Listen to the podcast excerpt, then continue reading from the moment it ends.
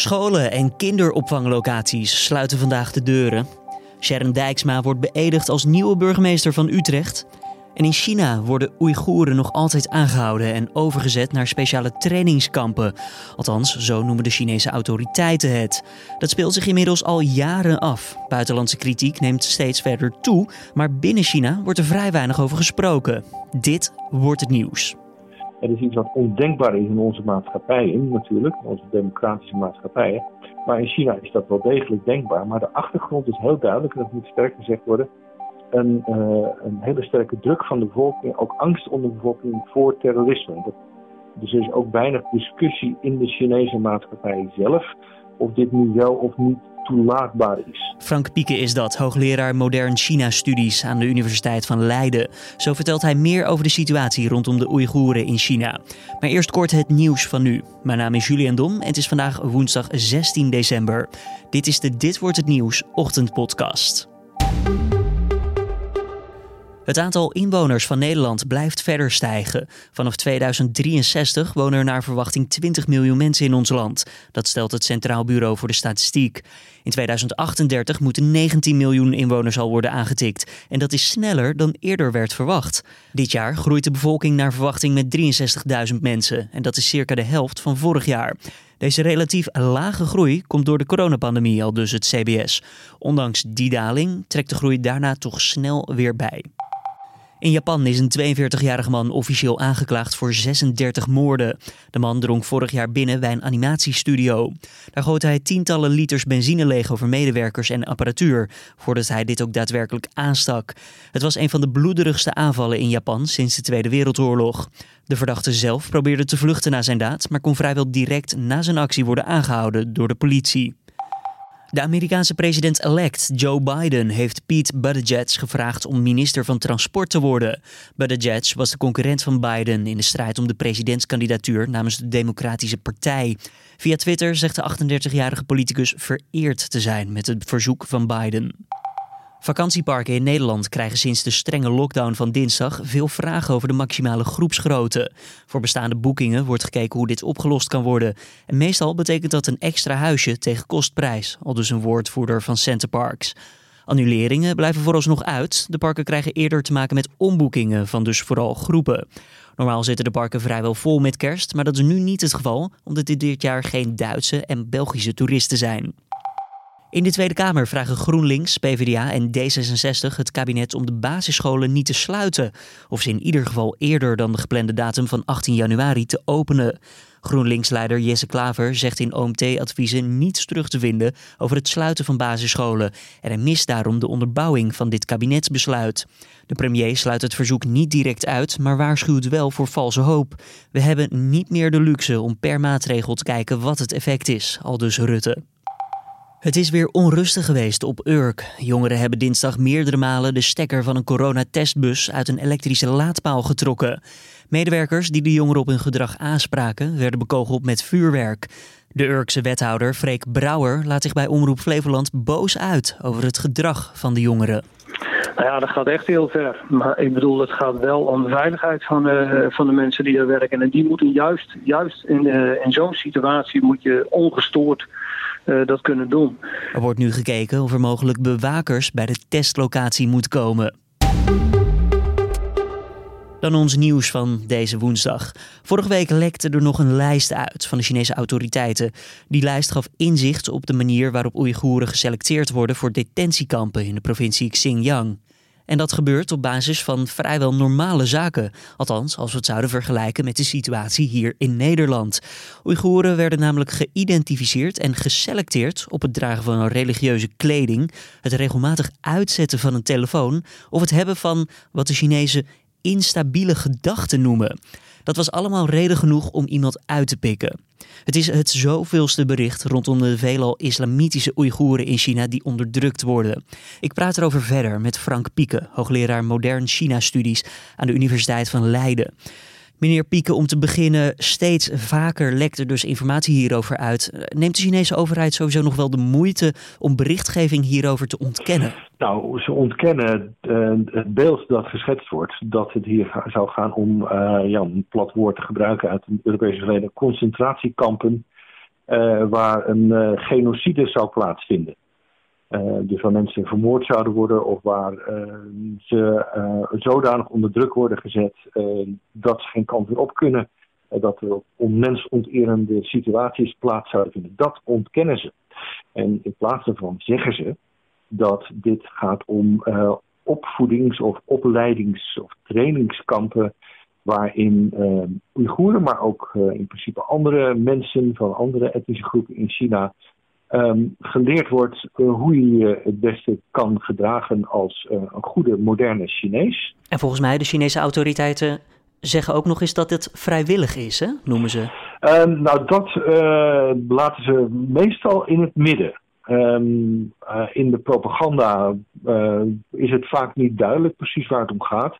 In de praktijk is het niet vrijwillig natuurlijk. En uh, ik denk dat die pretentie ook vrij snel losgelaten zou worden als je ze een beetje onder druk zet. Nou, het punt is meer dat in de beleving van de autoriteiten, of althans in de presentatie van de autoriteiten, hier gaat, het hier gaat om het proberen te, om te vormen van Oeigoeren die een in, in, de, eh, dus in, de, in, de, eh, in de beeldvorming worden gezien als um, achtergebleven, als um, mensen die geneigd zijn ook tot religieus en etnisch en nationalistisch extremisme, die ook geweld hebben gepleegd uh, tegen de Chinese bevolking en tegen de Chinese staat, om die om te vormen tot, zoals ik zei, goede burgers, uh, moderne burgers, gehoorzame burgers, die een positieve en constructieve bijdrage leveren aan de opbouw van China. Dat is wat men zegt. En de achtergrond daarvan is weer dat er in, met name in uh, 2015 en 2016, mm -hmm. maar ook daarvoor, uh, grootschalig geweld was in Xinjiang, maar ook, en dat is heel belangrijk, aanslagen binnen uh, China zelf, dus in Peking en in Kunming en andere steden, door etnische Oeigoeren die streven naar een onafhankelijk Oost-Turkestan, zoals ze dat noemen. En dat soort terroristische aanslagen, want dat waren het, noopten de autoriteiten ertoe om de Oeigoeren op een heel andere manier aan te pakken dan ze voorheen hadden gedaan. En dat is de achtergrond dat ze deze hele extreme maatregelen hebben genomen van die kampen. Het is iets wat ondenkbaar is in onze maatschappijen, natuurlijk, onze democratische maatschappijen. Maar in China is dat wel degelijk denkbaar. Maar de achtergrond is heel duidelijk, en dat moet sterk gezegd worden een, uh, een hele sterke druk van de bevolking, ook angst onder de bevolking voor terrorisme. Dat, dus er is ook weinig discussie in de Chinese maatschappij zelf of dit nu wel of niet toelaatbaar is. Maar dat wordt dus gebruikt als excuus, als ik u goed begrijp, door de autoriteiten nou, om dit niet goed te praten? Excuus. Nee? Nee, nee, het is niet excuus. Uh, ze hadden die kampen niet. Uh, het was ook geen onderdeel van het normale beleid. Het normale beleid was wel veel onderdrukkender geworden in met name de zes, zeven jaar daarvoor. Er waren in 2009 ook al grote opstanden geweest in Xinjiang. Uh, tegen uh, vaak misstanden die plaatsvonden tegen de Oeigoeren, van, door de lokale bevolking van Han-Chinezen. Uh, er waren demonstraties geweest, geweldplegingen en dergelijke. En dat had afgeleid tot een versterkte maatregelen door de overheid, ook onderdrukking en dergelijke. Toen in 2014 en 2015 en 2016 waren er echt terroristische aanslagen. En toen heeft men in Peking gezegd bij de regering: van ja, dit gaat niet meer. We kunnen dit soort normale onderdrukking als het ware. Daar komen we niet mee. We moeten nog verder gaan en uh, deze bevolking volledig omturnen. Um, en heropvoeden, hervormen, zodat de, dit soort dreigingen nooit meer zullen plaatsvinden. Dus het is vanuit hun beleving, heel, duidelijk gezegd vanuit hun beleving, is het een, een kwestie van voortschrijdend inzicht geweest. Of misschien van een noodzaak dat ze dit moesten doen. Maar niet iedereen is natuurlijk een terrorist. Uh, is er dan bewijs nee, voor, voor, nee. voor China om wel deze hele groep in e als, ja, mm -hmm. als één dezelfde persoon te behandelen, als het ware? Ja, en dat is precies inderdaad waar, uh, laten we zeggen, de wegen zich scheiden. tussen um, mensen die in een westerse rechtsstaat leven, zoals wij, jij en ik, en China, waarin het makkelijker is om een hele groep als het ware te beschuldigen van dit soort misstanden. Um, en het punt is dat, nogmaals, dat de Chinese bevolking daar op zich niet zo ontzettend veel moeite mee heeft. Je moet dat een beetje vergelijken met de islamdiscussie in, in Europa. Um, en er is ook snel, sneller neiging te zeggen van alle islamieten zijn slecht, want alle islamieten zijn terroristen. En gelukkig zijn wij dus in, Nederland en elders in Europa hebben wij uh, manieren om die argumenten als het ware te logenstraffen of in ieder geval niet uit te laten monden in beleidsvorming. En in China is dat er dus niet. Dus het is heel makkelijk en heel instinctief bijna zeggen van we hebben aanslagen gepleegd door moslims. Dus moeten alle moslims, er zijn alle moslims verdacht, dus moeten ze allemaal onderdrukt worden. Um, en in China is die logica gaat, leidt eigenlijk heel snel tot beleid, heeft heel snel tot beleid geleid. In, in ons land en andere Europese landen gelukkig niet. Nou hebben wij als Nederland, als Europa wel kritiek op hoe het eraan toe gaat momenteel in China met de Oeigoeren. Toch lijkt het alsof er niet heel veel wordt veranderd aan beleid door de Chinese autoriteiten. Is die kritiek dan onvoldoende of is, ja, is het belang voor China gewoon dermate groot dat ze denken, nou kom maar op, jullie hebben ons gewoon nodig? Nou, um, er zijn twee dingen. Uh, ten eerste moet ik zeggen dat uh, deze misstanden in uh, Xinjiang, waar de Oeigoeren dus zitten, uh, dat loopt al vanaf 2016. Pas echte politieke aandacht is er voor gekomen pas in 2019 in Europa en met name in Amerika. En voor die tijd heb ik ook al een aantal keren uh, hierover de bel getrokken, uh, conferenties georganiseerd en dergelijke. Uh, en dan kreeg ik eigenlijk nooit gehoor voor het argument dat er echt iets heel vreselijks aan de hand zou kunnen zijn in Xinjiang. En het is pas nadat Donald Trump in 2019 dit heeft, een onderdeel gemaakt van zijn conflict met China, als een stok om China te slaan, dat het ineens een internationaal issue is geworden. Dus dat is punt 1. Uh, en de Chinezen zien dat natuurlijk ook. En die zien ook van ja, het Westen heeft een beetje boter op het hoofd, want uh, voorheen maakten ze daar niet zoveel gewacht van. En nu ineens, omdat het ze politiek uitkomt in hun conflict met ons, nu wordt er ineens heel veel uh, over gesproken. Uh, ten tweede zal de Chinese regering en de Chinese communistische nooit en te nimmer toestaan dat westerse mogendheden uh, zich mengen in interne aangelegenheden in China. Dat is echt iets waar ze nul tolerantie voor hebben. Ze zullen niet toestaan dat wij vertellen wat er in Xinjiang moet gebeuren, wat er in Taiwan moet gebeuren wat er in Hongkong moet gebeuren, wat er in Tibet moet gebeuren. En daar kunnen wij van alles van vinden, maar zij zeggen eenvoudigweg: dat is jullie zaak niet. Dat, zijn onze, dat is onze zaak, dat is ons land. En wij besturen op die manier die wij, waarvan wij vinden dat het juist is en noodzakelijk is. Dus je komt ook nergens, je komt ook nergens met, met die argumenten. Is er een drukmiddel wat uh, westerse landen nog zouden kunnen gebruiken? Ondanks dat wat u zegt, China laat geen buitenlandse inmenging toe. Nou, het, het enige drukmiddel dat waar uh, ik het een aantal jaren geleden ook met een aantal mensen over heb, heb gehad, is een uh, sancties of zelfs een boycott van westerse en Chinese bedrijven die producten in China gebruikt worden voor die kampen. En dan denk je aan surveillance camera's bijvoorbeeld, maar ook andere uh, goederen en diensten die daarvoor gebruikt worden. Um, dat is eigenlijk het enige drukmiddel dat je hebt. En dat is ook um, uh, gebruikt in de afgelopen anderhalf jaar uh, door West-Europese landen en met name door Amerika. Uh, maar dat leidt eigenlijk nergens toe.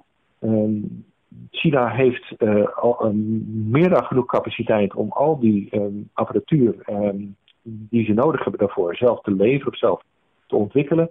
Ze hebben ons niet nodig. Uh, en boycotts van Chinese bedrijven die die apparatuur dan zouden leveren, in een westerse operatie bijvoorbeeld, um, zullen uh, ook geen grote indruk maken. Dus het, het, wat dat betreft ben ik het eens met die sancties uh, tegen dat soort bedrijven. Ik vind dat we dat moeten doen. maar we moeten niet in de illusie leven dat het een verschil maakt. Om dan even terug te komen op de Oeigoeren zelf. Um, ja, deze mensen die komen dus in concentratiekampen, als wij dat woord gebruiken, zo terecht. Hoe worden deze mensen behandeld, uh, ook als ze weer vrij worden gelaten uiteindelijk? Zijn ze dan volwaardig Chinees staatsburger opeens? Of zijn, worden ze nog steeds gezien als tweede rang citizen? Nou, ze, als ze uit de kampen komen, dan zijn ze over het algemeen echt wel uh, tem, uh, tam, mak gemaakt, ook heel bang. Uh, en ze zijn natuurlijk uh, voor een lange tijd zijn ze, kunnen ze zich niet meer uh, gedragen als volwaardige staatsburgers, hoewel ze wel, doordat ze dan die training en opleiding en opvoeding hebben gehad, zijn ze wel weer geschikt gemaakt om weer onderdeel te maken, uit te maken van de maatschappij. Maar dat is een lang proces daarna en wat je ook ziet, is dat die mensen eigenlijk niks meer durven zeggen, niks meer durven doen. Ehm, en ehm, wat dat betreft heeft ook die heropvoeding precies het effect wat, je, wat ze zouden willen. Namelijk dat die mensen dan ook geen probleem meer kunnen zijn. Dus wat betreft is het vanuit hun optiek geredeneerd weer, is het heel succesvol. Ehm, het is misschien iets minder succesvol als je kijkt naar het levensgeluk van die mensen zelf. Maar dat is duidelijk een, een, niet, niet een heel doorslaggevend argument. Los daarvan lever je ook nog iets op op zo'n moment voor de Chinese economie, die ja, toch ook steeds meer vraagt van de achterban. Ja, dat valt wel mee. Kijk, de reden dat ze dit kunnen doen, is dat uh, nu bijna de meerderheid van de bevolking in Xinjiang um, uit Han-Chinezen bestaat, die uh, gemigreerd zijn uit de andere delen van China, of die de kinderen zijn van de mensen die gemigreerd zijn uit andere delen van China. Dus economisch hebben ze in Xinjiang eigenlijk de Oeigoeren niet of nauwelijks meer nodig. En ze zijn vanuit uh, hun op, van de optiek van uh, de Chinese overheid eigenlijk een beetje overbodig. Je zou eigenlijk Xinjiang heel goed kunnen runnen en heel welvarend kunnen maken uh, zonder die Oeigoeren. Dus Oeigoeren staan steeds meer in de weg. En dat is de tragiek van Xinjiang. Die mensen in hun eigen land eigenlijk een minderheid aan het worden zijn. Uh, en ook steeds meer uh, ja, in de marge opereren. Meneer Pieker, dan als laatste vraag. Verwacht u nog verandering op korte termijn dan wel dit jaar, of tenminste dit jaar, we zitten al in december, misschien volgend jaar, dat ja, China toch zoiets denkt, ja, misschien wel, we zijn klaar, uh, de operatie is geslaagd voor wat ons betreft? Dat zou wel kunnen, maar ik verwacht dat niet over in, een jaar. Ik denk dat ze op een gegeven moment wel zeggen van nou, we hebben nu wel uh, de grootste, uh, uh, het grootste gedeelte, de grootste problemen opgelost. Dus we kunnen misschien wel wat meer de telkens wat losser laten vieren. Dat zou wel kunnen. Maar ik denk dat dat nog wel even gaat duren. Ze zijn vanaf 2016 bezig. Er zitten we hebben meer, meerdere miljoenen mensen in die kampen gezeten, zegt men, hoewel het moeilijk is om de precieze aantallen te bewijzen natuurlijk.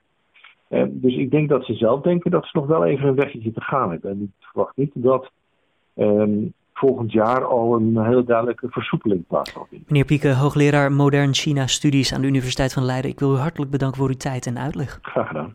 Dan verder nog eventjes de nieuwsagenda voor deze woensdag. Zoals gezegd sluiten alle scholen en ook de kinderopvang gaat dicht. De sluiting van het onderwijs en de opvang voorkomt contactmomenten bij het brengen en halen van de kinderen. En het zorgt er tevens voor dat ouders zich beter aan het dringende advies houden om zoveel mogelijk thuis te werken. Sharon Dijksma wordt beëdigd als nieuwe burgemeester van Utrecht. Slechts een aantal mensen zijn bij de ceremonie aanwezig vanwege de coronamaatregelen. Dijksma was de laatste jaren wethouder verkeer en vervoer in Amsterdam. En ze volgt Jan van Zanen op, die deze zomer naar Den Haag vertrok. In Duitsland gaat een strenge lockdown in vandaag. Veel bedrijven moeten dicht om het aantal contactmomenten terug te brengen. En ook mogen er nog maar maximaal vijf mensen uit twee huishoudens met elkaar afspreken.